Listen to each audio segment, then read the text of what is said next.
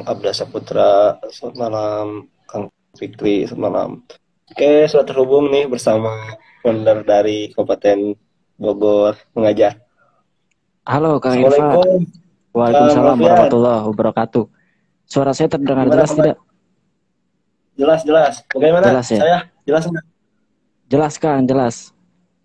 Oke. Gimana kabarnya nih sebelumnya?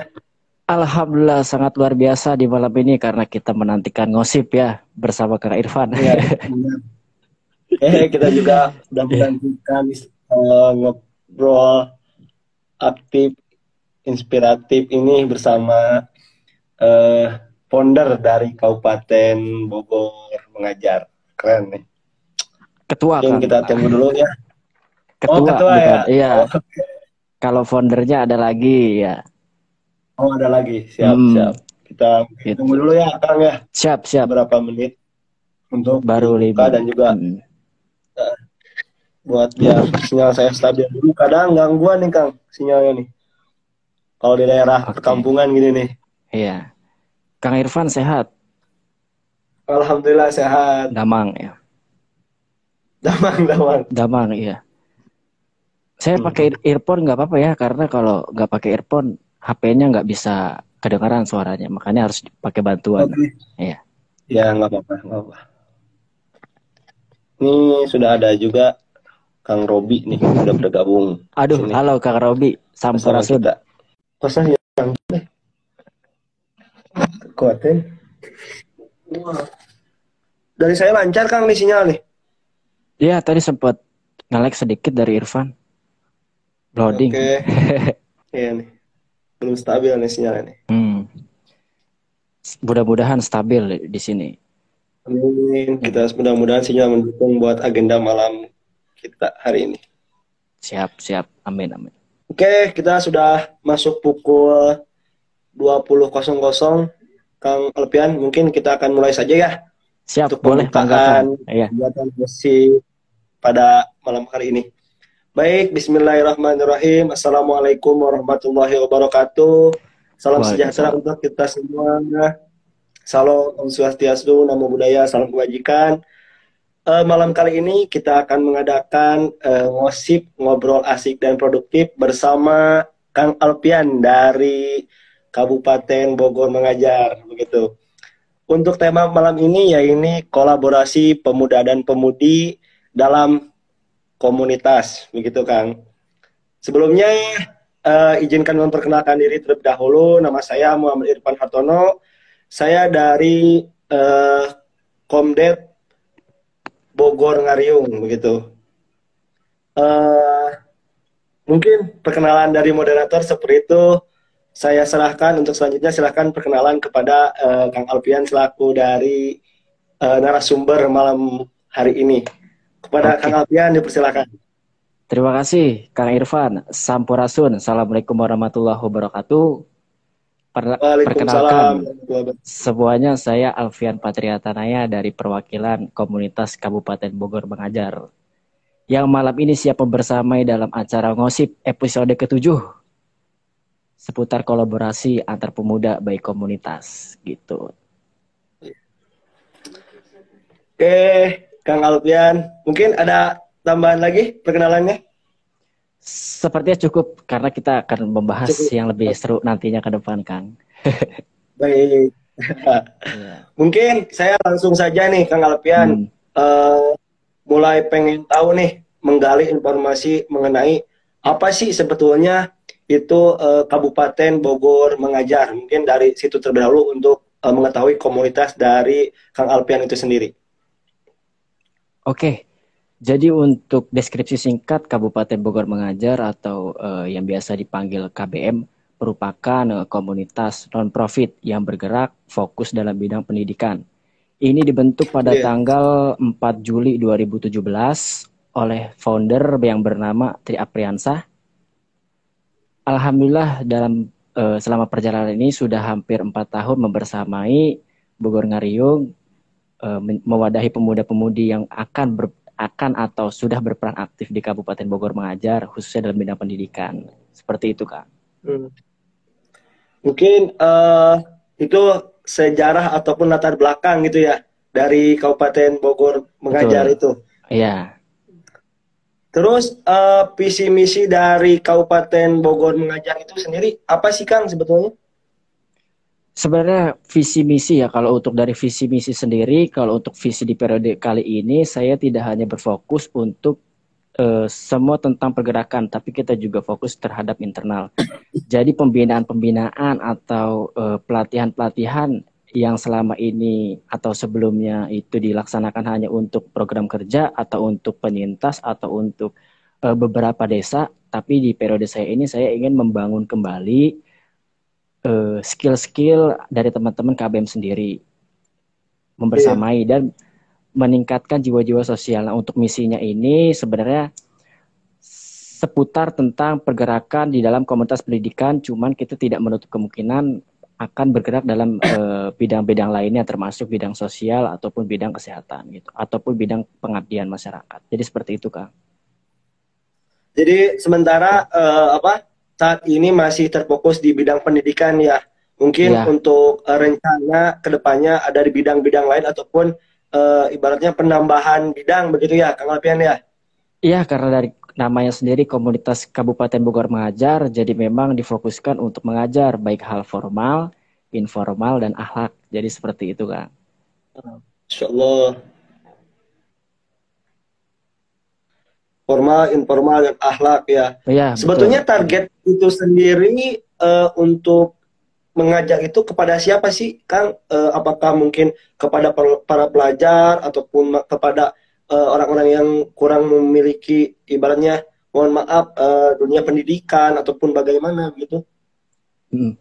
Sebenarnya itu kita bisa apa ya? Kita bisa coba fokuskan tujuan-tujuan ke beberapa program kerja gitu ada yang memang program kerja ini fokus untuk pendidikan formal yaitu kelas sejarah paket, ada yang memang untuk meningkatkan uh, literasi tujuannya itu yaitu dengan program kerja AKB atau aku kamu buku. Dan ada juga yang memang program kerja dikhususkan untuk pengabdian baik uh, penggerak dari KBM sendiri maupun untuk eh, desa-desa yang memang e, menurut data RLS atau rata-rata lama sekolah di Kabupaten Bogor ini terendah gitu. Itu dengan program Abdik atau Abdi Ngadidik. Nah, alhamdulillah semua program itu sudah e, dilaksanakan, namun untuk periode kali ini masih terpending karena pandemi serta perizinan yang memang cukup ketat. Jadi seperti itu, Kang. Hmm. Jadi kegiatan kegiatan-kegiatan selama pandemi ini masih terpending begitu ya? Belum ada, iya. belum terlaksana begitu? Iya, sebenarnya uh, kita pengen tahu caranya atau kita coba untuk bisa survive di tengah kondisi pandemi seperti ini. Nah, ya. alhamdulillah program kerja uh, salah satu program kerja KBM yaitu kelas sejarah paket ini bisa dilaksanakan secara offline atau tatap muka secara langsung sejak bulan Desember 2020 kemarin gitu. Jadi setiap hari minggunya jam 9 sampai jam 10 dan jam 1 sampai jam 3 sore ini pengajar dari teman-teman KBM ini mengajar di Sanggar Tabayun Cibinong itu. Itu salah satu program yang memang masih e, berlanjut sampai saat ini karena kita ini ya resah ya terkait kelas sejarah paket ini karena memang yang pertama itu permasalahan terkait ekonomi sehingga membuat beberapa iya. peserta dari teman-teman atau adik-adik ini putus sekolah. Yang kedua itu memang e, latar belakang mereka yang keluarganya itu sorry ya uh, disebutnya itu bina yeah. pendidikan. Jadi kita coba untuk meningkatkan, kita coba untuk menggerakkan dengan kelas jar paket yang nantinya harapan KBM dapat uh, meluluskan semua peserta kelas jar paket ini untuk melanjutkan ke jenjang pendidikan berikutnya. Ada yang kemarin ikut paket B, alhamdulillah mendapatkan ijazah sekarang masuk ke paket C. Yang paket C mungkin nanti mendapatkan untuk mendapatkan ijazah paket C itu untuk melanjutkan pekerjaannya mungkin melamar. Nanti kita coba coba iya. apa ya, coba mengarahkan lah untuk paket C gitu. Ada paket A juga, cuman untuk paket A sendiri eh, jumlahnya ini nggak banyak. Kalau untuk saat ini hanya dua orang, paket B itu 21, paket C itu 22. Gitu. Jadi berarti Kang Alpian itu bisa mulai ibaratnya nanti kita mulai dari paket C, paket B, paket A itu bisa dilanjut ya ataupun misalkan uh, ketika kita sudah masuk di Halo, halo. Sempat terputus. Ya. Sempat terputus tadi kan, terputus, Irfan. Iya. Okay. Uh, berarti terkait kegiatan paket A, paket B, paket C itu bisa uh, dimulai dari memang awal begitu dan dilanjutkan di situ juga atau misalkan nanti ketika ada uh, yang sudah melanjutkan misalkan SMP ataupun SD itu bisa langsung mengambil paket juga di Kabupaten Bogor begitu bisa ikut yeah. masuk terlibat. Iya. Kabupaten Bogor sendiri ini berperan sebagai hanya sebagai pengajar. Nah, untuk masalah administrasi hmm. kan biasanya umur, umur terus pernah sekolah atau tidak. Kalau misalkan pernah sekolah ini putusnya di kelas berapa. Nah ini yang mengelola sebuah sistem administrasinya ini dari Sanggar Tabayun gitu. Jadi seperti itu kan. Hmm. Jadi ini ada kerjasama dari Dinsos, Disdik dan KBM gitu untuk program kelas sejar paket ini. Selain program kelas kejar paket itu sendiri program-program apa sih Kang yang memang ibaratnya menjadi program unggulan nih dari Kabupaten Bogor mengajar nih? Mungkin kan pasti nih ada mungkin komunitas memiliki program unggulan yang memang wajib ataupun harus dilaksanakan pada periode-periode tertentunya begitu. Untuk program-program unggulan itu memang sebenarnya ada yang pertama itu Big hmm. Star Big Star ini jadi hampir sama kalau misalkan disebut di secara umum itu desa binaan lah gitu. Jadi oh, kemarin iya, kita iya. sempat menyelesaikan uh, program Big Star ini salah satu program unggulan di periode yang lalu juga hampir selama tiga bulan terpending karena adanya pandemi. Jadi penutupannya ini terpending itu belajar mengenai lima, lima tipe kecerdasan manusia dengan total pertemuan itu hampir 12 kali gitu. 12 kali dalam seminggunya itu sekali. Itu salah satu program unggulan. Tempatnya itu di Gang Ambadar, Cibinong. Ya, yang mayoritas penduduknya itu ber eh, apa ya? prasejahtera. Kasarnya itu pemulung. Sorry, sorry ya. Kasarnya itu mayoritas yeah. pekerjaannya pemulung, tapi nggak semua gitu. Itu. Itu salah satu program unggulan. Terus kalau untuk kegiatan yang eh, diunggulkan yang memang baru terlaksana, kita coba untuk berkolaborasi bersama beberapa komunitas yang ada di dalam Kabupaten Bogor, bahkan dalam eh, naungan Bogor Ngariung juga gitu. Alhamdulillah kemarin tepat satu minggu yang lalu kita menyelesaikan misi kemanusiaan di puncak Kampung Batik. Keren gitu. Iya. Uh, mungkin tadi sudah apa menceritakan sekilas uh, mengenai KBM itu apa, program kerjanya apa, hmm. kegiatannya apa nih ya. Mulai dari kegiatan uh, unggulan, kegiatan bulanan ataupun kegiatan yang memang belum terlaksanakan nih Kang. Saya pengen tanya nih Kang, selama kegiatan uh, KBM ini ataupun selama pandemi ini ada nggak sih kegiatan memang uh, KBM itu sendiri, misalkan ada dari prokernya atau kan memang kegiatan kolaborasi dengan yang lain-lain selama pandemi ini nih, yang terfokus pada program kerjanya mungkin begitu. Ya mungkin ini menjadi tantangan semua untuk uh, beberapa penggiat komunitas ya.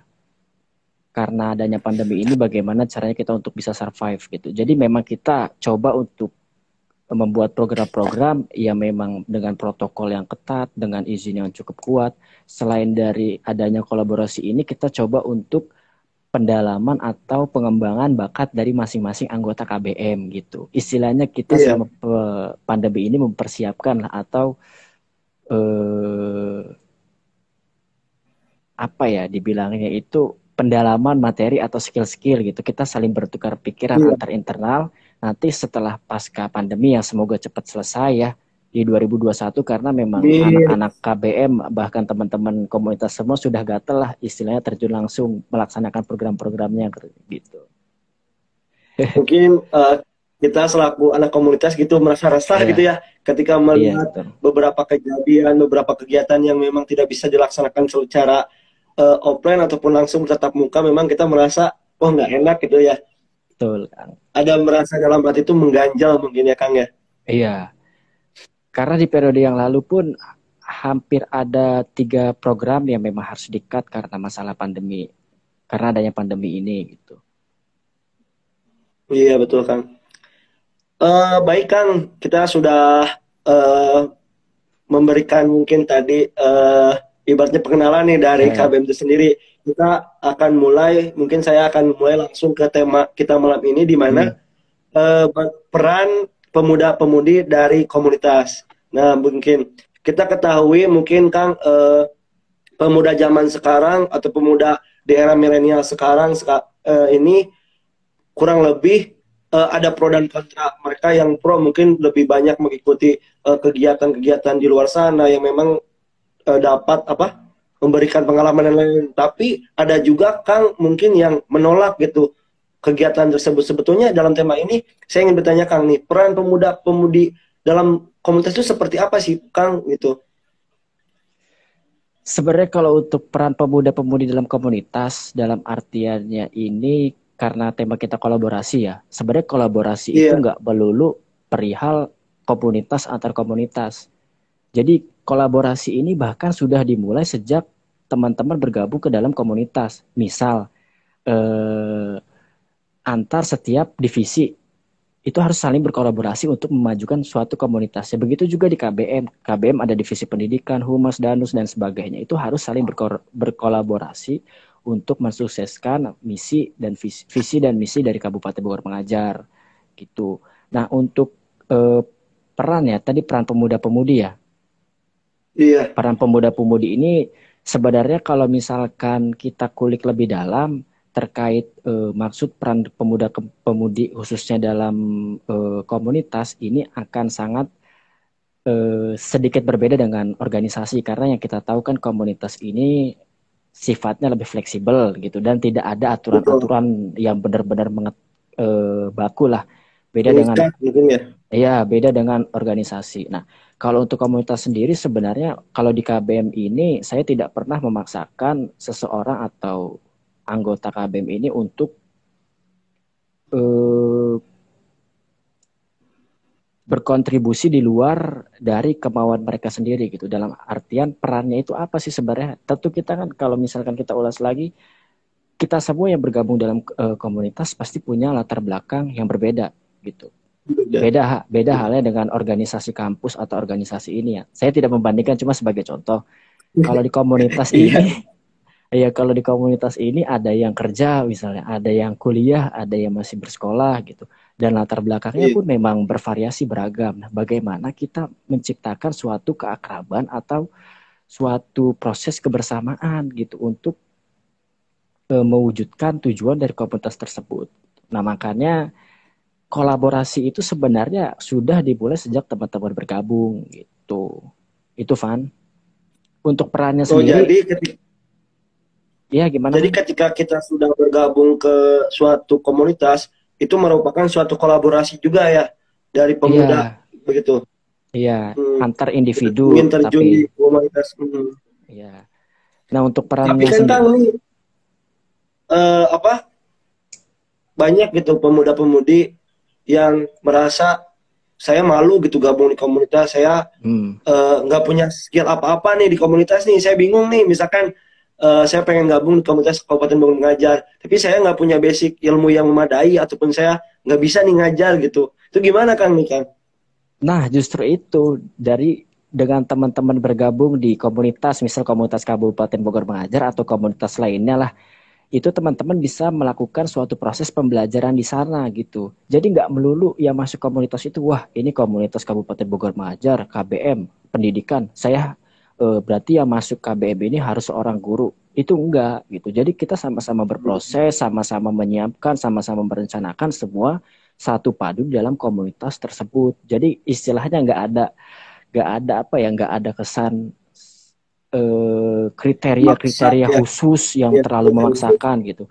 Kalau dari KBM khususnya saya sih sebenarnya selagi ada orang yang memang berniat baik, selagi ada orang yang ingin bergerak aktif untuk memajukan daerah sekitarnya atau ikut membersamai, saya nggak pernah uh, membatasi, Van. Jadi istilahnya mau gabung sok bangga, mau ikut sok bangga. Nanti kan dia yang berproses di sana sendiri, saya hanya uh, mengarahkan, saya hanya mewadahi. Dan KBM ini sebagai wadah di situ. Jadi seperti itu, Pak. Uh, menyinggung tadi uh, Kang Alpian berbicara soal mungkin uh, ingin bergerak di wilayahnya. Uh, hmm. KBM ini sendiri uh, sudah bergerak ataupun sekarang kesekretariatnya di mana gitu Kang ataupun terfokus titik fokusnya di mana gitu untuk daerah Oke. itu sendiri. Iya, kalau KBM sendiri sebenarnya basisnya basis anak Cibinong lah. Maksudnya untuk kegiatan-kegiatan atau perkumpulan ini biasanya di Cibinong. Tapi kita terdiri dari beberapa anggota ya memang ada yang di Pamijahan, ada yang di Depok, ada yang di Iya. Bogor Timur, ada yang di Bogor Selatan. Itu ter- terbagi. Nah, untuk sekretariat insya Allah eh, doain ya Van dan teman-teman semua di Amin. tahun ini KBM punya sekret mandiri lah untuk berkumpul Iya, tuh. dan untuk mengajar anak-anak gitu. Salah satu master plan ya salah satu master plan KBM di 2021 punya sekret. Gitu. Amin ya Allah. Amin. Amin. Pasti dong di sini juga kan teman-teman yang nonton nih eh, Hmm, apa bantu ngedoain juga supaya ini KBM bisa punya sekretariat juga kan. Nanti bisa ibaratnya mendukung mendukung kita mendukung sama-sama lah gitu kan demi kemaslahatan juga. Ibaratnya kita yang tidak bisa berkontribusi apa minimal kita mendoakan gitu kan semoga KBM ini lancar demi gitu mungkin Kang Alpian. betul Kak. Eh, Bukan. melihat dari eh, dem- demografi bonus demografi pemuda gitu ya banyak sekali eh, eh gimana Van? Cepat putus tadi. melihat dari bonus demografi gitu ya banyak sekali pemuda-pemudi di Kabupaten Bogor yang memiliki angka memang ibaratnya milenial gitu ya umur 17 sampai 40. Nah, ini sebetulnya memang sangat bagus gitu kan ya di komunitas di mana mereka bisa menggali potensi mereka masing-masing gitu. Nah, di komunitas itu sendiri di KBM itu sendiri eh, kisaran berapa sih Kang umur banyaknya ataupun mungkin komunitas KBM ini perlu Oke. nih merekrut ataupun bagaimana gitu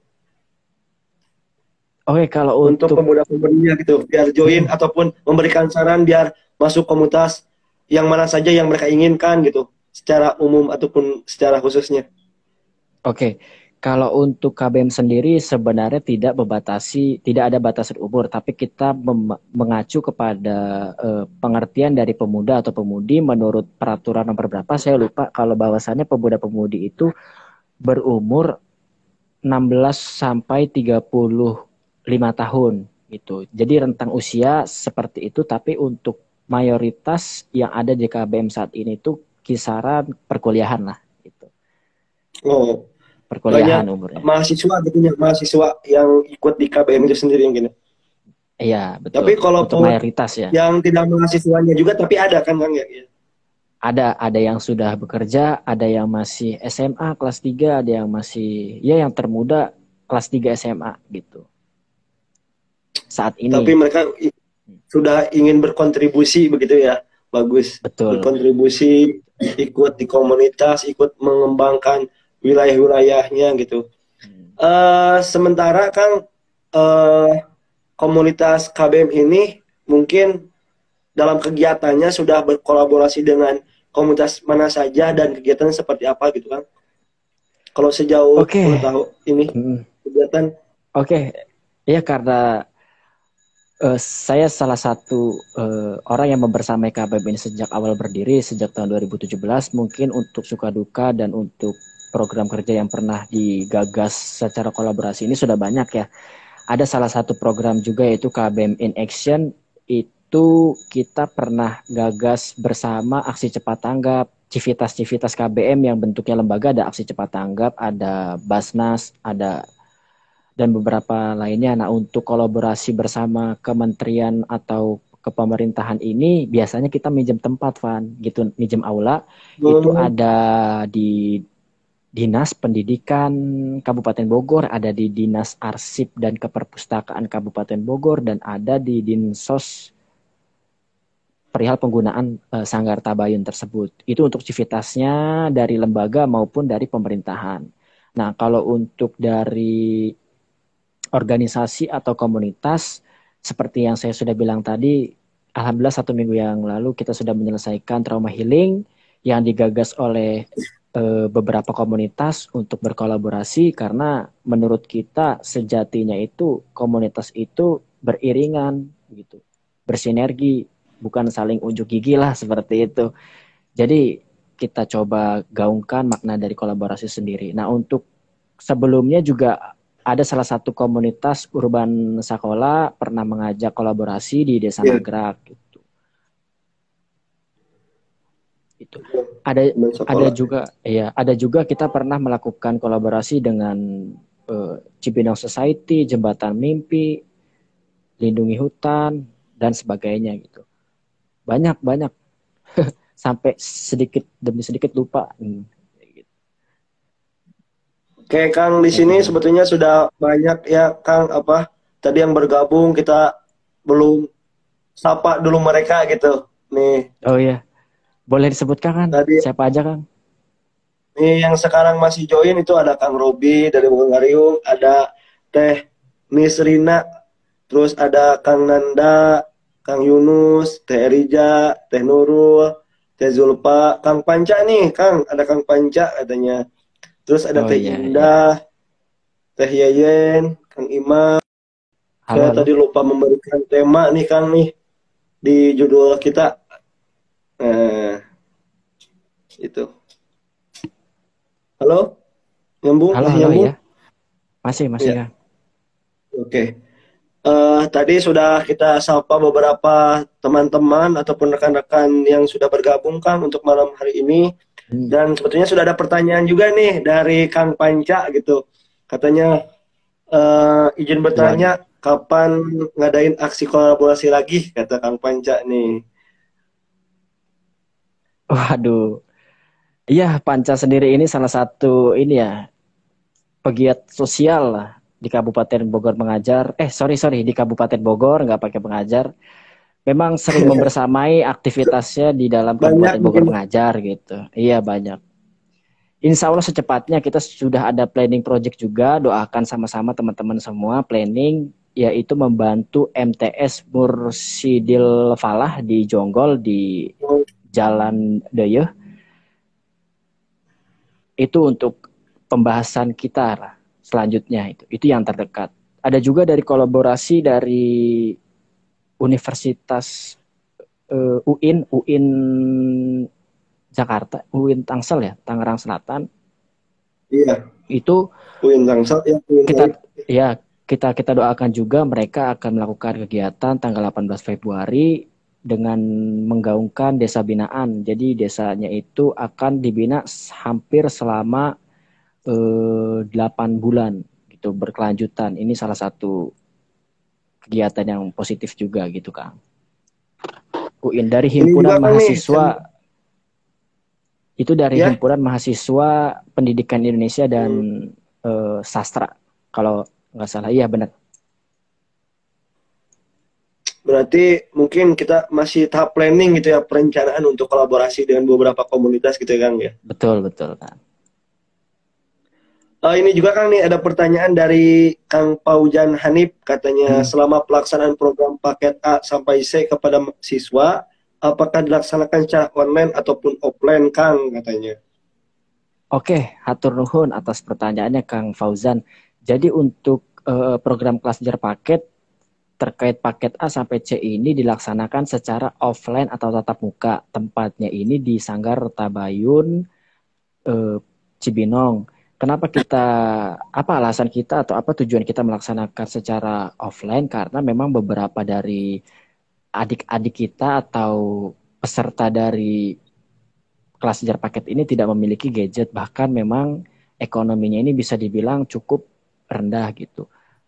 Dan nggak semua yang ikut di kelas sejarah paket ini berusia di bawah eh, dari usia normal SMP, SMA atau SD bahkan sudah ada yang memang sejak uh, umur-umur kerja gitu. Tapi mereka masih punya niat semangat belajar masih ingin mendapatkan ijazah pakai C untuk keperluan bekerja jadi seperti itu kan Tuh, tapi kita tetap tapi yang paling penting adalah mungkin mencari ilmunya itu ya Kang ya. Iya. Mencari ilmunya itu tetap dengan protokol kesehatan yang cukup ketat di sana ya. gitu. Mungkin teman-teman nanti yang ingin ini bisa nih buat eh, tanya-tanya gitu langsung ke Kang Alpian mengenai informasi hal tersebut. Baik lagi Kang, kita ke topik nih pemuda gitu ya.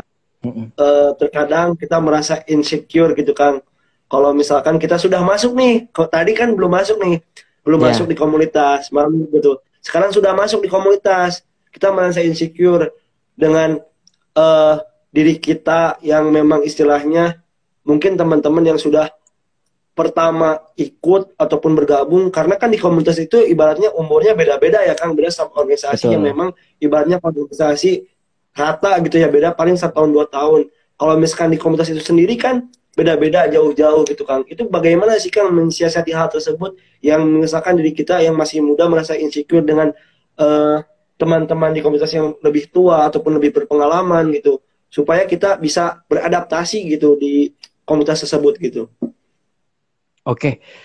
Jadi untuk mengatasi hal-hal ketika kita sudah masuk kita merasa seperti insecure atau bingung mau melaksanakan apa ya. Jadi seperti yeah. itu iya. ya Kang Irfan. Jadi ini Betul. kembali lagi ke ke apa namanya ke topik pembahasannya itu adanya kolaborasi. Jadi kita coba untuk berkolaborasi antar individu gitu. Jadi kalau misalkan teman-teman merasa insecure di misal di komunitas Kabupaten Bogor mengajar, bingung mau pergerakan apa, bingung untuk uh, kita harus ngapain sih di KBM ini gitu. Jadi yeah. jangan khawatir gitu. Yang saya tekankan kepada uh, teman-teman KBM bahwasanya kita harus berani ambil peran, berani untuk keluar dari zona nyaman dan berani untuk uh, menyatakan pendapat gitu. Ini karena salah satu pembelajaran. Iya. Karena kita juga tidak menutup kemungkinan bahwasannya yang masuk di komunitas KBM ini semua sudah pinter ngomong, semua sudah pinter komunikasi dan semua sudah pinter istilahnya negosiasi atau kemampuan-kemampuan skill lainnya lah yang dimiliki oleh individu. Tidak, makanya yaitu saya coba untuk menyemangati, saya saya coba kita coba KBM coba untuk mewadahi, KBM coba untuk uh, mengarahkan ya karena ya ini kita harus benar-benar belajar, kita harus benar-benar ada yang aktualisasi diri gitu. Jadi teman untuk teman-teman semua yang merasa insecure atau takut, jangan pernah takut atau jangan pernah eh, jangan pernah takut untuk keluar dari zona nyaman karena ketidaknyamanan itu merupakan suatu proses kedewasaan diri kita gitu. Betul Kang kadang mungkin kurangnya pemahaman juga ya dari teman-teman sekalian yang memang merasa insecure itu. Mungkin kurangnya ibaratnya uh, kurang banyak berbincang-bincang juga. Perlu pentingnya juga ya Kang kita misalnya mengenali beberapa sosok tokoh yang memang harus kita diajak diskusi hmm. siapa diajak bicara supaya bisa merangkul ibaratnya gitu ya Kang. Uh, Kang saya pengen nyindir nih Kang terkait ya, uh, Kang Alpian sebagai ketua nih sekarang kan Kang Alpian sebagai ketua nih, ketua uh, Kabupaten Bogor mengajar itu sendiri. Itu uh, gimana sih Kang bisa terpilih ataupun menjadi seorang sosok ketua ataupun bagaimana menjadi sosok ketua di komisi itu seperti apa sih Kang dalam menghadapi beberapa tadi usia kalangan ataupun uh, pemikiran yang berbeda begitu? Oke, pertanyaannya ini cukup cukup apa ya? Cukup bingung karena saya juga bingung kepilihnya dari mana, tapi saya akan coba untuk menjawab Van. Jadi gini seperti ini. Sebenarnya kalau untuk uh, sosok yang dituakan atau saya menjadi sosok yang benar-benar nomor satu di KBM itu itu apa ya? Bukan tipikal dari saya banget gitu. Saya juga bersama wakil saya yang kemungkinan hari ini nonton ya ada yang nonton ya Teh Zulfatia itu wakil saya. Saya sudah berkomitmen bahwasannya kita semua harus saling melengkapi gitu. Sosok pemimpin dari saya di, dari diri saya pribadi pun masih ada kurangnya. Misalkan tipe kepemimpinan kan banyak ada yang memang eh, disiplin ada yang tanggung jawab gitu. ada yang otoriter sebagainya itu. Nah kita coba saling melengkapi semua di situ. Nah kalau untuk terpilihnya itu ya alhamdulillah diberikan kepercayaan oleh teman-teman semua. Ini amanah yang harus uh, dijalankan bersama. Dan untuk mengatasi umur tadi ya apa? Kesenjangan umur terkait ya, umur. Perbedaan umur gitu ya. Iya. Sebenarnya ini salah satu uh, permasalahan yang memang tentu di setiap komunitas ini ada gitu. Tapi kan kita yeah.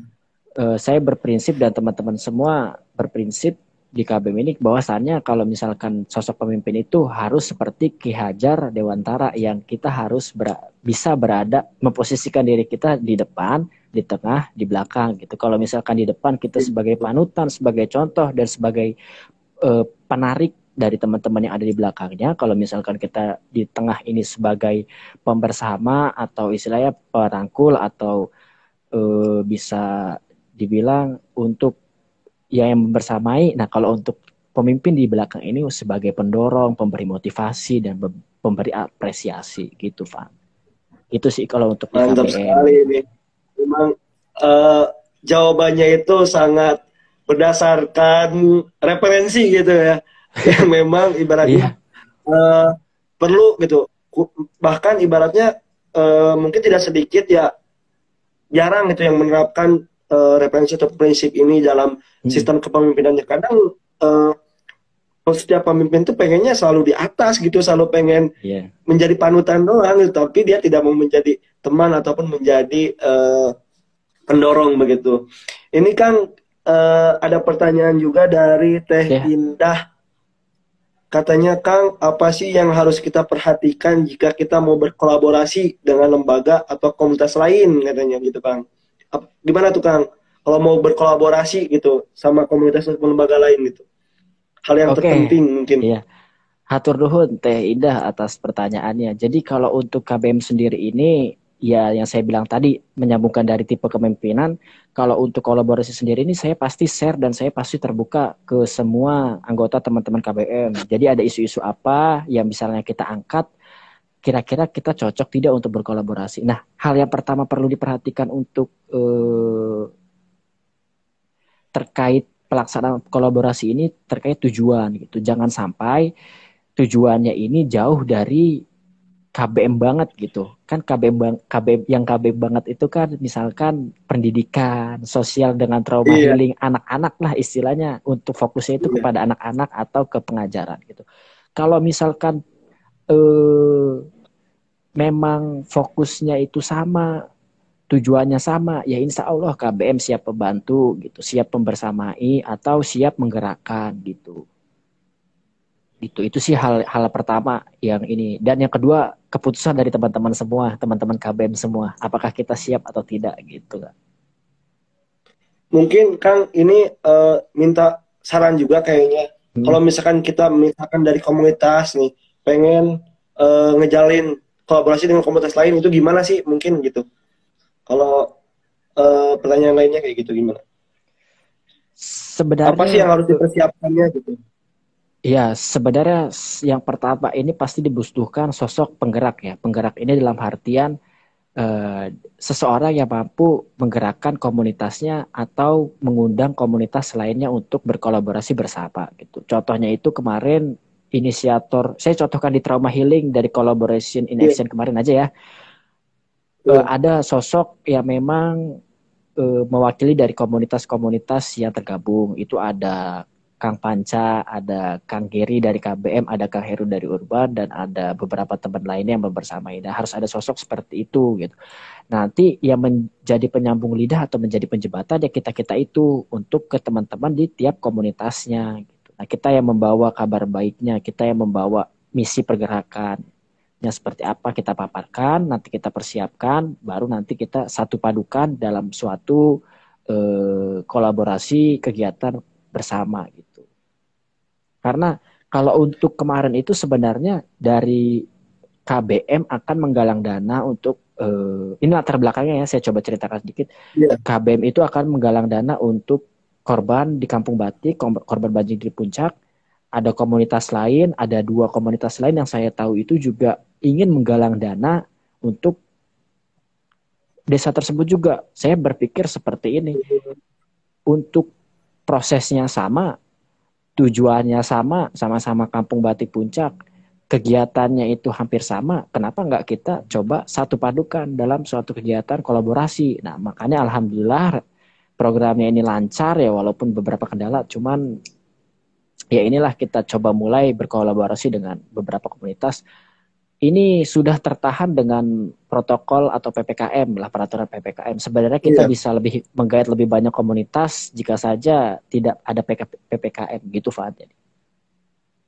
Hmm, benar-benar. Mungkin ibaratnya gini Kang, uh, kalau misalkan sapu lidi gitu ya, kalau cuma satu itu susah buat ngebersihin. Iya. Kalau berikat, kalau banyak itu cepat gitu yang nyelesainnya. Mungkin sama gitu kalau misalnya komunitas itu udah bergabung, udah berkolaborasi dalam menangani suatu masalah yang sama, itu akan lebih efisien dan lebih efektif juga ya Kang ya. Betul, betul. Karena ya sesuai dengan kata pepatah, lupa saya siapa, eh, jika kita ingin berjalan lebih cepat, itu kita bisa berjalan sendiri. Tapi kalau kita ingin berjalan lebih uh, jauh, maka jalanlah bersama-sama gitu. Benar pepatahnya. Bukan berjalan bersama si dia, Kang. berjalan bersama. Bukan dong ya. Iya. Ini nih itu, ada hmm. pertanyaan lagi dari Teh Neneng Mega Pagi 17 katanya. Apa tanggapan hmm. kakak mengenai dampak pandemi pada pendidikan anak-anak di desa yang minim fasilitas. Ini kritis sekali Kang pertanyaannya dari teknik yang ini nih. Melihat mungkin situasi dan kondisi sekarang hmm. pandemi tapi anak eh, anak-anak di desa fasilitas mulai mungkin gadgetnya, laptopnya uh, itu kurang memadai. Sedangkan kita harus misalkan uh, belajar secara online begitu. Bagaimana nih Kang tanggapan dari KBM itu sendiri? Iya, salah satu sektor yang paling ber uh, dampak terkait adanya pandemi atau musibah COVID-19 ini salah satu sektornya itu pendidikan. Pendidikan itu menjadi ranah KBM juga. Dan yang kita tahu, kita juga pernah mengadakan webinar online tentang eh, dampak pandemi terhadap sekolah-sekolah. Itu kalau nggak salah tahun 2020. Dampaknya ini sangat benar-benar sangat eh, terasa bahkan sangat berdampak sangat buruk gitu ya. Kita yang di kota aja ini untuk pandemi sendiri eh, masih ada beberapa anak-anak binaan dari KBM ini atau anak-anak peserta dari kegiatan KBM ini tidak mempunyai gadget gitu. Bagaimana yang di desa gitu, hmm. bagaimana yang memang sinyalnya itu cukup tidak tidak cukup cukup buruk lah. Belum lagi beberapa eh, beberapa teman-teman kita atau beberapa adik-adik kita di desa belum mempunyai gadget gitu.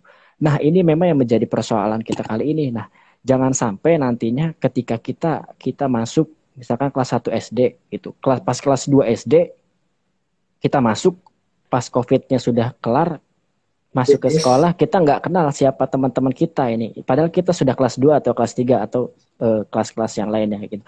Jadi kalau untuk dampak teh teh siapa tadi punten teh teh neneng ya. Iya teh neneng. Ini benar-benar sangat berdampak deh terhadap uh, psikolog anak juga terhadap kemampuan anaknya juga terhadap guru-guru bahkan guru-gurunya pun uh, sempat memikirkan bahwa uh, apa ya konsep-konsep yang memang ditawarkan atau digerakkan di untuk pengajaran di masing-masing anak muridnya ini sampai home to home jadi door to door kan.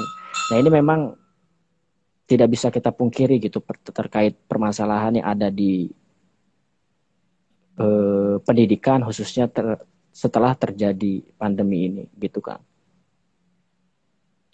uh, ini sebetulnya kan kita juga ngerasain gitu ya mungkin yang selaku mahasiswa gitu yang uh, sudah pegang gadget ada laptop tapi uh, perkuliahan secara online ini ataupun pembelajaran ini terganggu juga kadang terhambat sinyal apalagi teman-teman ataupun adik-adik siswa yang masih SMP, SMA ataupun SD yang mereka di pelosok misalkan nggak punya gadget ataupun lain-lain itu sulit juga gitu ya kan menerima hmm. informasi ataupun pendidikannya berarti penting gitu ya kan kita selaku uh, pemuda bagaimana nih kita yang masih di rumah juga menggandeng teman-teman ataupun adik-adik di wilayah kita supaya bisa mengajar minimal kayak gitu ya kang ya yeah. ikut terle- terlibat oh. ya hmm.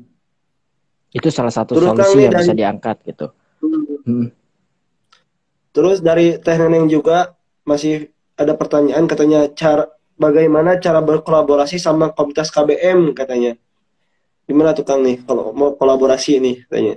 Oke, Teh Neneng hatur nuhun. Kalau untuk kolaborasi mungkin nanti bisa menghubungi CP tertera di Instagram Kabupaten Bogor Mengajar atau nanti bisa diarahkan langsung dari humasnya ke saya gitu. Nanti kita coba bicarakan terkait eh, kolaborasi-kolaborasi seperti yang tadi di awal saya sudah bilang apabila memang ini menjadi satu visi yang sama dengan KBM, insya Allah KBM bisa membersamai gitu. Atur nuhun Teh Neneng. gitu iya begitu tenannya ya. Jadi kalau misalkan mau uh, nanti kolaborasi itu bisa menghubungi pihak dari KBM itu sendiri. Katanya soalnya anak-anak di desa saya pun banyak yang terhambat katanya begitu kan hmm. di daerah Teneneng mungkin ya. Terus nih dari uh, at mama titik ada uh, dot ad 79 katanya di Kabupaten Parung banyak anak SD teman anak saya gak punya HP minjem HP tetangga sampai minjem HP tetangga katanya kan untuk mau belajar tuh gimana tuh Kang nih? Iya. Uh, untuk gadget sebenarnya memang menjadi salah satu uh, apa ya alat yang memang wajib dimiliki di saat pandemi ini khususnya dalam bidang iya. pembelajaran jarak jauh selain kuota ya. Nah kalau untuk seperti itu eh, Kabupaten Bogor sendiri sebenarnya tidak bisa menyelesaikan suatu permasalahan karena ini mungkin menjadi tanggung jawab dari kementerian atau eh, pemerintahan yang terkait lah ya. Tapi di sini fungsinya KBM ini hanya sebagai eh, wadah atau untuk membantu atau untuk eh, apa ya teman-teman yang akan terjun langsung gitu, membersamai atau hmm. membantu pemerintah kemudian bisa eh, apa ya mengaktualisasikan diri misalkan sebagai seorang pelajar iya. tapi dengan catatan teman-teman KBM atau komunitas KBM komunitas Kabupaten Bogor mengajar ini tidak bisa menjadi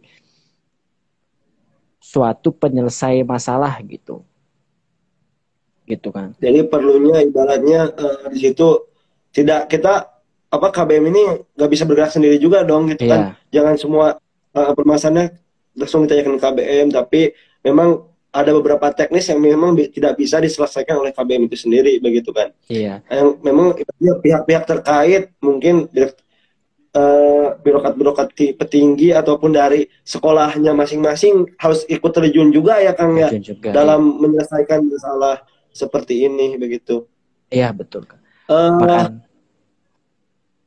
Ya, makanya kan oleh karena itu di salah satu program kerja KBM juga kita sempat apa ya? Kita sempat pengajuan cukup kuat ke Dinas Pendidikan dan Dinas Sosial bahwasannya kita mau mengadakan kegiatan secara offline. Nah, ini yang kita coba gagas di Sanggar eh, Tabayun Cibinong. Itu alhamdulillah disepakati dengan protokol kesehatan yang benar-benar cukup tinggi itu.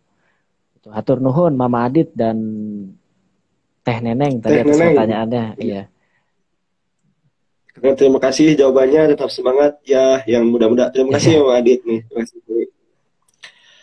Uh, ini Kang, saya pengen tanya nih. Uh, kenapa sih awalnya pengen masuk komunitas gitu? Terus apa memang yang kita dapatkan di komunitas? Nah. Berarti jawabannya dari saya pribadi ya, bukan dari teman-teman semua. alasan ya alasan saya. Ini, juga menjadi apa uh, pertimbangan mungkin teman-teman okay. ketika melek lah, ketika hmm. sudah ada uh, oh, ternyata masuk komunitas seperti ini, mungkin bisa ceritakan nih. Iya. Jadi pada tahun 2017 setelah saya selesai uh, eh, UN, waktu itu UN SMA karena waktu itu masih ada UN, saya uh, gabut lah istilah ingin mengisi untuk hal-hal positif. Nah, waktu itu KBM ada dan saya coba mendaftar, alhamdulillah ter keterima gitu. Nah awalnya itu saya juga cuman apa ya, cuman sekedar ingin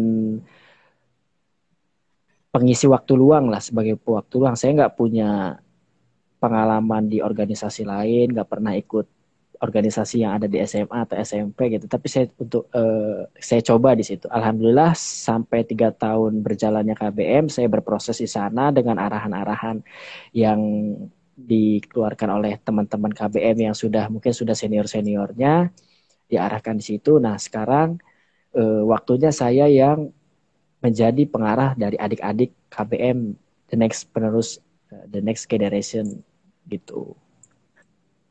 gitu.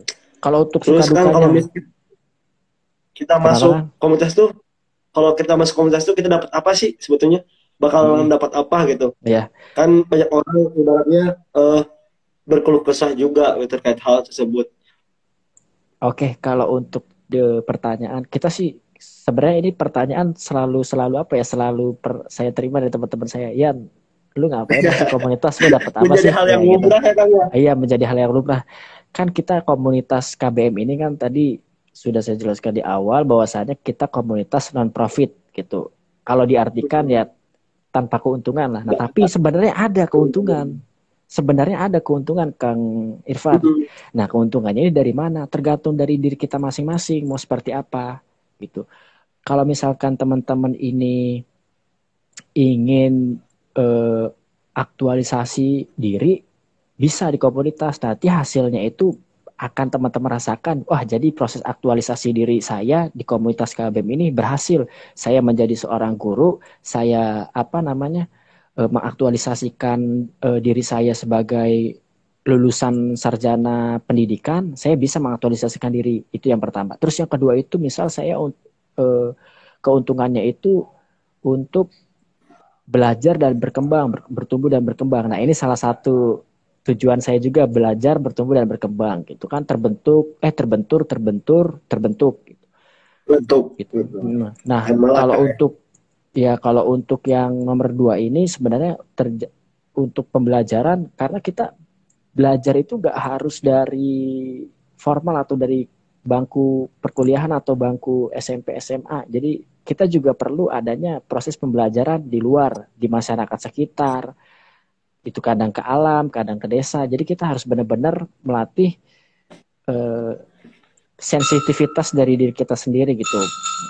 Jadi seperti itu kan kalau untuk pertanyaan dari Iya, Kang Kang. Irfan tersebut. mungkin sedikit juga nih saya mau ini mau kasih Hmm. informasi nih ke Kang Alfiannya juga teman-teman memang betul ya Eh, pertama kali saya memang gabung juga nih Kang di, di komunitas Bogor Ngariung ini baru gitu ya sekitar bula- beberapa bulan yang lalu Eh, per- saya memang ibaratnya belum tahu ya belum mengetahui sih itu apa komunitas gimana cara kerjanya mekanismenya apa karena saya jujur baru pertama kali gitu gabung di komunitas saya ter- eh, apa sering gabungnya tuh di organisasi gitu. Ternyata pas kita terjun itu beda memang.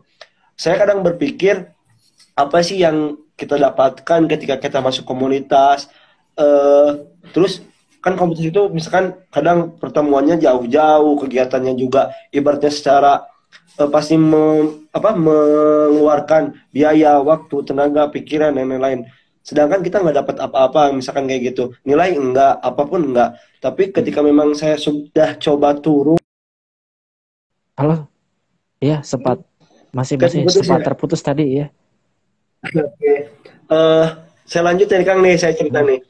Ketika saya bergabung di komunitas Ngarung ini juga, saya ber, apa langsung gitu ya. Oh saya mengetahui apa sih eh, yang kita dapatkan. Ternyata banyak Kang betul. Kita mulai dari relasi, mulai mungkin saya sekarang bisa kenal dengan Kang Alpian nih, eh, Iya. pemuda revolusioner nih yang memang bergerak di daerah Kabupaten Bogor. Eh, selain itu juga saya bisa berkenalan dengan eh, teman-teman di komunitas yang memang sudah ibaratnya memiliki pengalaman yang jauh dan mungkin tidak sedikit dan tidak kurang eh, ilmu-ilmu kehidupan itu banyak gitu yang kita dapatkan. Karena yang saya lihat komunitas itu pasti mempunyai tujuan ataupun program yang memang demi membantu ataupun eh, ibaratnya memberikan sebuah kebermanfaatan gitu untuk orang lain.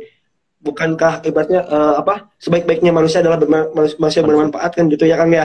Dan Betul, mungkin betul. di sinilah eh, saya juga merasa eh, oh saya perlu nih saya gabung komunitas saya perlu nih saya ikut terjun juga di komunitas gitu itu sih Kang eh, apa kelas sedikit mungkin eh, saya juga tertarik gitu dengan komunitas begitu Kang Nah, makanya untuk teman-teman yang memang belum bergabung ke komunitas, banyak komunitas dalam naungan Bogor Ngariung bisa dipilih salah satunya atau salah duanya ya. Benar ya Kang Irfan ya? Karena akan Iya, banyak pembelajaran-pembelajaran di sana gitu.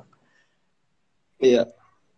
Mungkin nanti nih eh, teman-teman yang memang ingin bergabung dengan komunitas Bogor eh, apa Bogor mengajar ini bisa langsung nih eh, apa bisa langsung bisa DM kah atau tanya-tanya ke Kang Alpen langsung gimana buat bisa eh, apa ikut bergabung. Tapi sekarang kan untuk eh, cepat-cepat sekarang ini apa ada oprek gitu buat KBM itu sendiri? Oke, kalau untuk open recruitment di KBM sendiri ini karena masih situasinya masih pandemi jadi belum bisa dilaksanakan. Tapi harapan saya ke depannya untuk oprek di periode yang baru ini KBM melakukan oprek ini dengan versi yang berbeda, Kang. Contohnya seperti apa? Misal kalau misalnya mungkin dari beberapa komunitas lain opreknya itu hanya di saat di setiap awal atau di setiap akhir periode sekali. Nah, kalau untuk KBM ini setiap saat akan dilakukan oprek. Bagaimana maksudnya? Maksudnya itu jadi yang seperti yang saya bilang di awal, saya tidak mau, saya dan Jule dan beberapa teman-teman KBM tidak mau membatasi niat baik dari teman-teman eh, yang memang ingin bergerak dan berkontribusi lebih aktif. Tapi ada beberapa catatan gitu. Catatannya itu apa? Ya minimal untuk kontribusi bersama KBM itu lima kali, baru nanti bisa e, melalui proses yang dilakukan oleh SDM baru bisa masuk gitu. Jadi kita akan terus melakukan open recruitment itu sepanjang periode gitu kan. Okay. Untuk waktu terdekat sih belum ada, cuman kita sudah ada beberapa volunteer yang kita coba arahkan untuk masuk ke tim penggerak Kabupaten Bogor mengajar gitu. Gitu kan, Irfan. Kang Apian saya izin minum dulu nih. Iya, mangga Kang. ke teman-teman yang Coba lain juga kan. Dan ke teman-teman. Ini juga nih Kang nih masih ada pertanyaan juga banyak nih hmm. yang sudah bergabung, berikan like. Dan tadi memang uh, beberapa kendala teman-teman yang keluar masuk juga untuk uh, ber ibaratnya berkontribusi ataupun melihat acara kegiatan malam ini. Daripada gabut ya Kang ya malam minggunya kita lebih betul apa, betul lebih mencari ibaratnya sharing lah diskusi begitu ya. Hmm. Mungkin ini lebih ke ranah diskusi gitu. Oh, ini kan nih ada pertanyaan dari Kang eh Gustanto katanya, apakah organisasi ini terkoneksi dengan departemen tertentu di pemerintahan Kabupaten Bogor? Misal ada bagaimana peran yang di, telah diberikan? Mungkin ini apakah komunitas komunitas ini gitu, organisasi komunitas ini terkoneksi dengan departemen tertentu di pemerintah Kabupaten Bogor misal ada bagaimana peran yang telah diberikan katanya kan gimana tuh kan oke.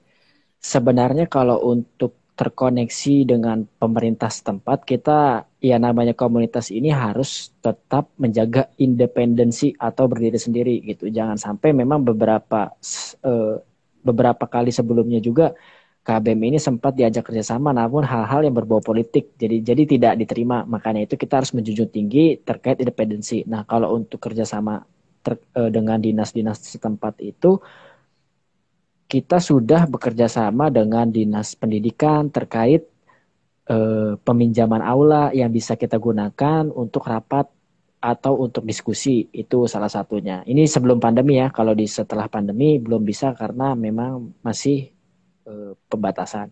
Terus yang kedua itu ada dinas sosial karena kita uh, mengajar di kelas sejarah paket ini tentu harus atas izin dinas sosial di Sanggar Tabayun. Itu itu koneksinya. Terus kita juga akan ada uh, di dinas arsip dan keperpustakaan mereka sudah banyak membantu terkait program Aku Kamu dan Buku setiap minggu setiap sebulan sekali di hari Minggu sebelum pandemi dengan uh, memberikan atau meminjamkan mobil bacaan gitu, mobil bacaan, mobil yang hmm. isinya itu buku-buku semua Buku. di setiap hari Minggu ya. Kemudian ruang tempatnya itu juga pernah kita pergunakan untuk rapat dan kegiatan KBM lainnya dan juga untuk dinas arsip dan keperpustakaan ini pernah menyumbangkan beberapa buku ke KBM untuk disalurkan ke eh, rumah atau taman baca. Jadi seperti itu kan koneksinya. Hmm. Berarti sudah ada gitu ya jalinan koneksi juga di pemerintahan kabupaten. Iya betul. Iya untuk pemerintahan dan koneksinya sudah ada, tapi tetap KBM ini berprinsip independensi atau berdiri sendiri gitu. Sendiri, betul betul. betul. Kang tidak terasa nih waktu sudah satu jam kita ngobrol nih, kita diskusi nih malam kali ini. Waduh. Mungkin saya apa nggak kerasa ya kan ya kalau ngobrol lagi ya. Iya. Nggak kerasa. Kayak baru lima menit gitu ya, baru aja pembukaan gitu, belum ngeranah mana-mana.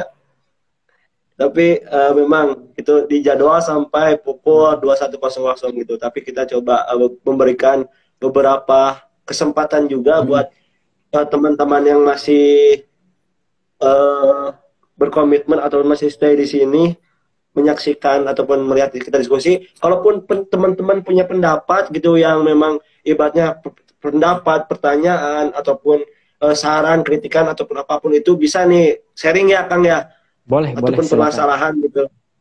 Ya. Gitu. Ba barangkali teman-teman punya rekomendasi desa yang memang iya. cocok untuk dijadikan kegiatan KBM atau meningkatkan literasi atau budayanya, bisa, bisa. Bisa banget. Masih banyak apa eh, komen-komen dan juga dari eh, beberapa teman-teman kita juga di sini Kang. Eh, katanya kata Kang Heru Mas Alpian luar biasa nih mantap katanya. Dari Nuhun, Mas Heru. Dan Mas Heru.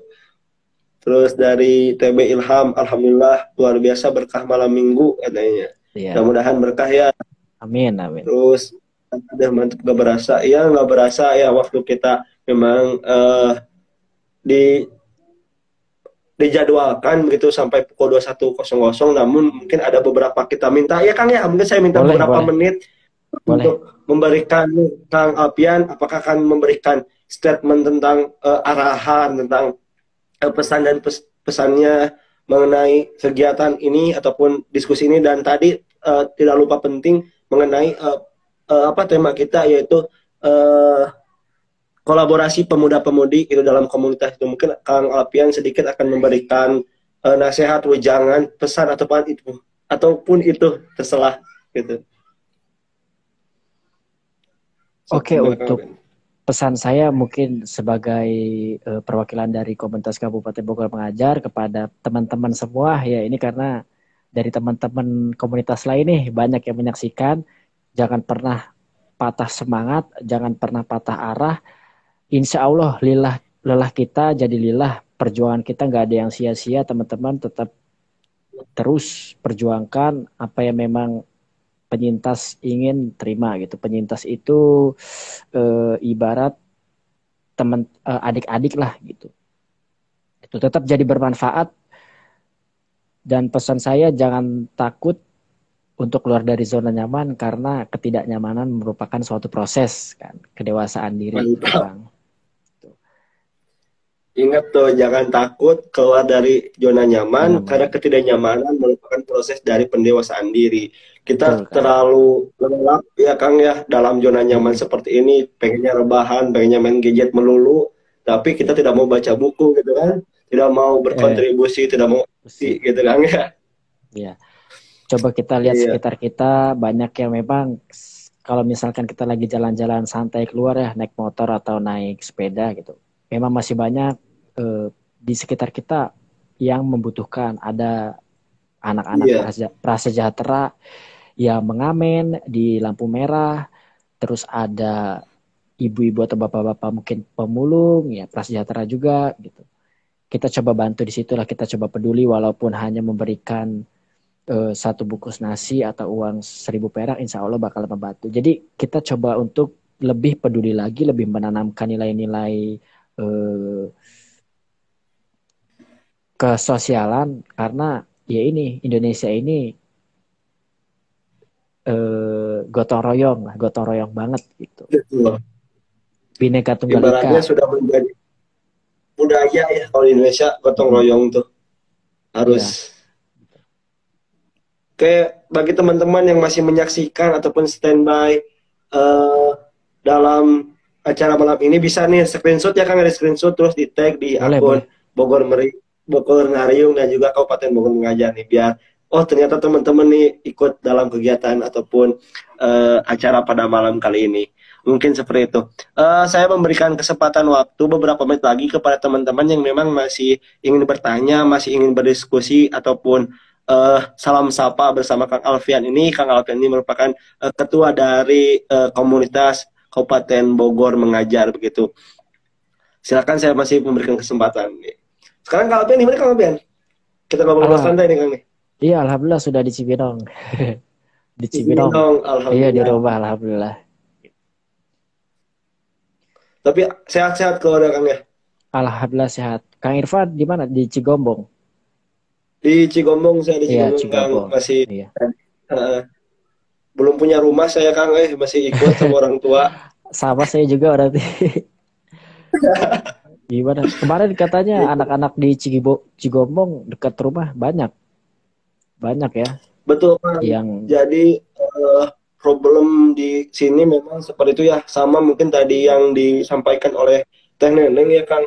Banyak sekali ibaratnya umur-umur masih belasan ataupun di bawah 10 tahun tuh masih kurang mendapatkan pendidikan. Padahal banyak sekolah-sekolah gratis sudah ada tersedia. Apalagi zaman seperti sekarang, ibaratnya eh, saat pandemi ini, anak-anak dikasih gadget, Kang. Cuman tidak mereka maksimalkan untuk belajar. Mereka malah main game, main game online sampai orang tahu orang tuanya tuh bingung. Sebetulnya anak ini belajar ataupun main gadget gitu kan. Karena kontroling orang tuanya memang kurang gitu. Itu yang pertama. Yang keduanya banyak juga anak-anak usia dini mas sampai putus sekolah gitu Kang. Mereka lebih asik bermain dan lain-lain. Sampai lupa mungkin dunia pelajarannya seperti apa itu memang menjadi problem juga Kang di wilayah sini. Mungkin di wilayah ke dalam dalamnya kan sih saya di Cigombong tapi ke dalamnya ke arah daerah pegunungannya juga daerah Gunung Salak gitu Kang. Nah, makanya Mungkin nanti itulah kapan-kapan kita bisa berkolaborasi Kang dengan ya, ya. itulah pemuda harapan pemuda ya maksudnya kita berangkat kita sama-sama berangkat dari keresahan gimana ada suatu permasalahan ya kita coba untuk membantu Civitas untuk menyelesaikannya gitu. Literasi Iya. Lit- literasi Van gitu. Anak-anak yang main game gadget gitu memang aduh sudah cukup banyak ya. Aduh. terlalu banyak. Malah ibaratnya saya sama mereka tuh main gadget main game atau gadget lebih jago mereka nih Kang nih. Iya betul. Mungkin aduh bingung juga sih membatasi ataupun eh, memberikan pence- eh, pemahaman kepada anak-anak karena sebetulnya kontrol orang tua juga sangat penting ya Kang ya. Sangat terkait penting hal ya. ini ya. Hmm. betul bagaimana orang tua bisa memaksimalkan juga terkait situasi seperti ini. Hmm, betul. Mungkin saya memberikan kesempatan lagi nih kalau misalkan mau ada pertanyaan dari teman-teman ada yang ingin diskusikan saya berikan waktu masih berikan waktu nih sambil kita ngobrol santai. Mungkin Kak Alfian mau minum dulu dipersilahkan. Buat Saya- istirahat saya- dulu sebelum ada pertanyaan. Iya, saya mau cerita sedikit boleh kan? oh boleh boleh boleh boleh. Iya. sambil nunggu nih. Jadi ya ini salah satu eh, tujuan dari KBM ini kan menyebarkan virus literasi dan kebermanfaatan gitu. Virusnya ini virus baik ya, bukan virus COVID-19 gitu. Ya, jadi kebermanfaatan. Ya semoga virus-virus kebermanfaatan atau virus-virus terkait pentingnya literasi dan pendidikan ini menyebar kepada seluruh pemuda-pemudi ataupun adik-adik ataupun eh, kakak-kakak, kakang teteh sama cepatnya seperti penyebaran virus COVID gitu. Kalau bisa virus COVID ini menyebarnya ini lebih rendah daripada virus Menurun. literasi gitu, iya. Jadi lebih cepat virus literasi gitu. Nah, terus kemudian eh, saya juga punya permasalahan yang ada di sekitar saya yaitu di lampu merah eh, Pemda, lampu merah perempatan Pemda yang PDAM. Pemda PDAM oh iya iya, iya. ya Cibinong, iya. perempatan di sana memang banyak sekali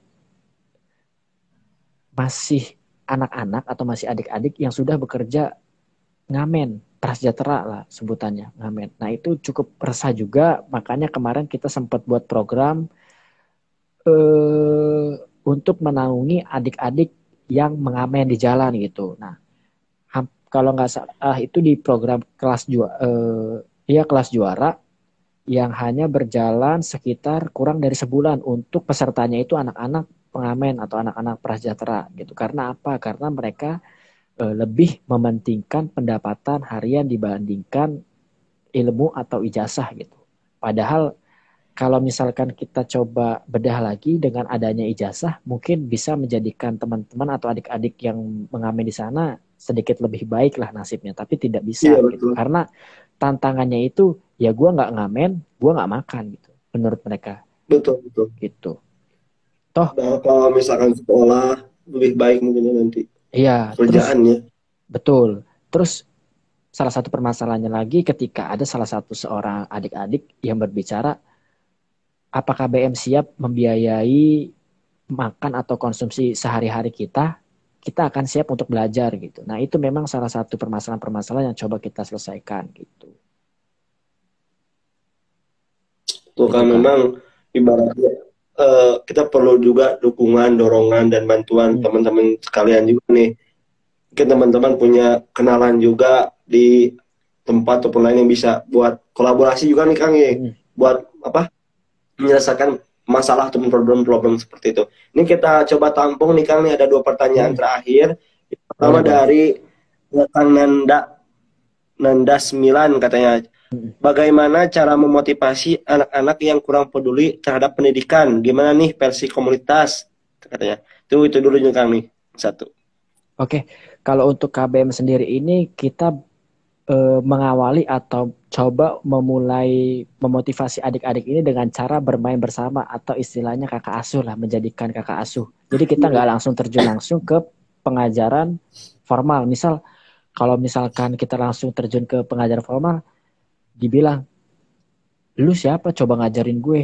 Kaget dong mereka. Dan kita coba untuk mengakrabkan kita ambil sisi emosionalnya mereka kita ambil sisi kedekatan mereka. Kita coba dengan cara sorry ya kalau misalkan caranya ini nggak bagus cuman ini versi KBM-nya kalau kasarnya itu istilahnya menyogok menyogok dengan memberikan makanan. Jadi setiap kali mereka datang kita berikan makanan sebagai pengganti dua oh, iya, jam betul. mereka yang hilang untuk belajar bersama gitu. Nah itu salah satu caranya menarik terus kita coba hmm, eh, apa namanya arahkan bakat-bakatnya. Jadi gini Kang, kalau untuk bakat-bakat dari anak-anak, adik-adik di eh, pengamen ya, sebenarnya bagus Kang. Dia bisa ada yang bernyanyi, main hmm. gitar, eh, ada yang main pecut, main kuda lumping, bagus. Tapi ketika mereka kita ambil atau kita panggil untuk tampil di panggung karena ada acara-acara mungkin dari dinas-dinas mereka nggak bisa karena salah satu alasan-alasannya itu eh, mereka itu sebelum mengamen itu mengkonsumsi obat yang mungkin membuat mereka percaya diri lah istilahnya seperti itu gitu. Dan mereka mengakui itu dan ya kita juga coba untuk mengarahkan tidak baik akhirnya ya, ya seperti itu gitu. Jadi kita tidak bisa bukan tidak bisa ya kita sudah berusaha namun ya ini kembali lagi ke mereka kita coba sudah arahkan. Bahkan salah satu cerita sedikit, waktu itu di hari Minggu sempat kosong di Sanggar Tabayun ini untuk adik-adik yang pengamen ini dan kita coba cari sampai ke jalanan, sampai ke waret-waret kita kejar. Alah, akhirnya ya ini kita coba dirikan tempat pembelajaran dadakan di tukang ojek sana, di tukang ojek di halaman-halaman sana. Alhamdulillah luar biasa perjuangan dari teman-teman KPM gitu. Jadi seperti itulah Kang, suka dukanya luar biasa memang ibaratnya uh, nanti juga kan kalau misalkan kita ini apa berusaha pasti nih nanti KBM ini maju jaya terus. Amin, amin. Terus yang satu lagi nih Kang ada pertanyaan yeah. nih dari Kang Doni katanya Sanggar Senja juga hmm. punya kegiatan di dan PDAM itu Kang apakah sudah kolaborasi katanya. Sanggar okay. Senja katanya Kang. Ya. Terkait Sanggar Senja ini memang beberapa kali KBM pernah ber apa ya, uh, kegiatan bersama Sanggar Senja, Kang Adi selaku penanggung jawab dari Sanggar Senja, saya coba sedikit menceritakan, tapi bukan membandingkan ya. Kalau membandingkan itu eh, mohon maaf gitu. Jadi untuk Sanggar Senja dan untuk Sanggar Senja ini mereka juga sama membina anak-anak jalanan atau anak-anak prasejahtera gitu atau anak-anak eh, ya prasejahtera lah. Tapi bedanya itu di Kang Adi ini menganut bahwasanya anak-anak yang prasejahtera itu harus tinggal, harus eh, berbakti di sanggar senja gitu. Tidak berbeda dengan teman-teman di di apa namanya di lampu merah. Kalau di lampu merah ini mereka sudah dalam naungan atau sudah da, namanya ini sudah tercatat dalam sanggar tabayun, cuman realisasinya mereka masih dibiarkan uh, di jalanan gitu. Nah ini makanya menjadi fokus kita bersama untuk pergerakan ke depannya seperti apa gitu. Gitu Kang, makasih Kang Doni ya. Nuhun. Iya Kang Doni. Terima kasih nih Kang Doni. mungkin itu pertanyaan terakhir dari kegiatan uh, perbincangan ataupun diskusi malam kali ini, Kang, uh, gitu. Sebetulnya ini saya pengen nih masih banyak juga mungkin teman-teman ataupun rekan-rekan yang masih mengulik, yeah. tapi walaupun misalkan Wah. ingin lebih tahu, maka bergabunglah di komunitas, gitu kan ya. Betul. Komunitas yeah. baik di KBM sendiri ataupun komunitas lainnya kita mari wujudkan kebermanfaatan bersama, menebar kebaikan gitu ya Kang ya. Supaya ibaratnya permasalahan-permasalahan ini bisa kita selesaikan bersama-sama gitu. Mungkin Kang ada statement-statement terakhir, kata-kata terakhir untuk penutup malam hari ini sebelum saya balik simpulkan.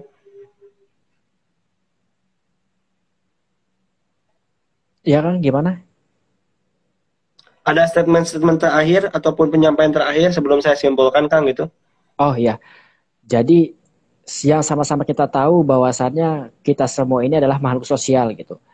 E, pasti kita ada beberapa yang memang introvert, ada yang extrovert, tapi dari makna kolaborasi. Kolaborasi itu bermakna bahwasannya kita harus e, hidup berdampingan atau nggak bisa sendiri-sendiri. Jadi kita bisa mencoba untuk memulai kolaborasi dari individu ke individu atau individu dengan kelompok atau kelompok dan kelompok. Jadi jangan pernah takut untuk masuk dalam suatu komunitas, jangan pernah takut untuk mencoba hal-hal baru dan jangan pernah takut untuk terus menebar kebermanfaatan.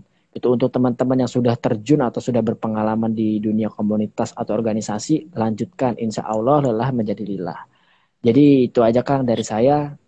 Terima kasih Kang Irfan dan teman-teman semua. Terima kasih Kang Lopian. Hmm.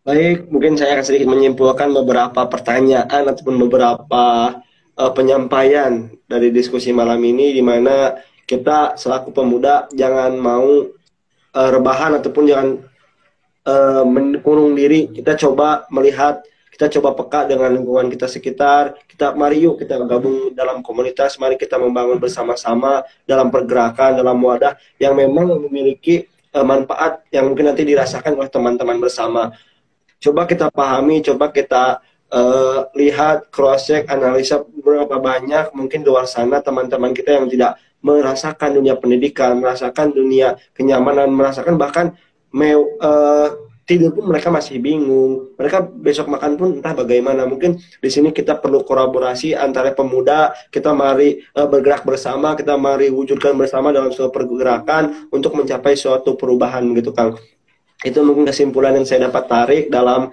perbincangan kali ini. Terima kasih kepada Kang Alpian. Uh, terima kasih telah menyempatkan waktu, pikiran, tenaga untuk uh, perjuangan dan pergerakan malam kali ini dan diskusi malam kali ini. Begitu Kang Alpian.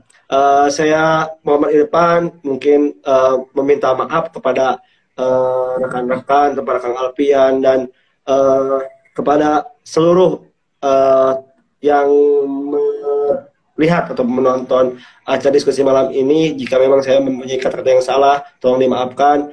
Uh, wabillahi taufiq wassalamualaikum warahmatullahi wabarakatuh. Waalaikumsalam warahmatullahi wabarakatuh. Hatur nuhun. Ya, Kang sami-sami. Terima kasih juga nih saya ucapkan kepada yang masih standby, ada Kang Robi, saya sapa terakhir nih Kang Robi, Teh Nisri, Teh Eka, Kang Anto, Teh Julpa, Kang Iqbal, TYY, TK nah, di Zahra nih yang masih standby. Oke Kang, mungkin yang terakhir kita saya akan dokumentasikan oh, iya, kegiatan iya, malam ini mungkin. Oke. Mungkin teman-teman juga yang sedang menyaksikan bisa mendokumentasikan kegiatan kali ini. Oke, satu, dua, tiga. Oke, terima kasih Kang Albian ya. Pamit yang Kang Albian. Sami-sami Kang. Yuk, mari. Terima kasih. Assalamualaikum warahmatullahi wabarakatuh. Selamat malam. Waalaikumsalam warahmatullahi wabarakatuh.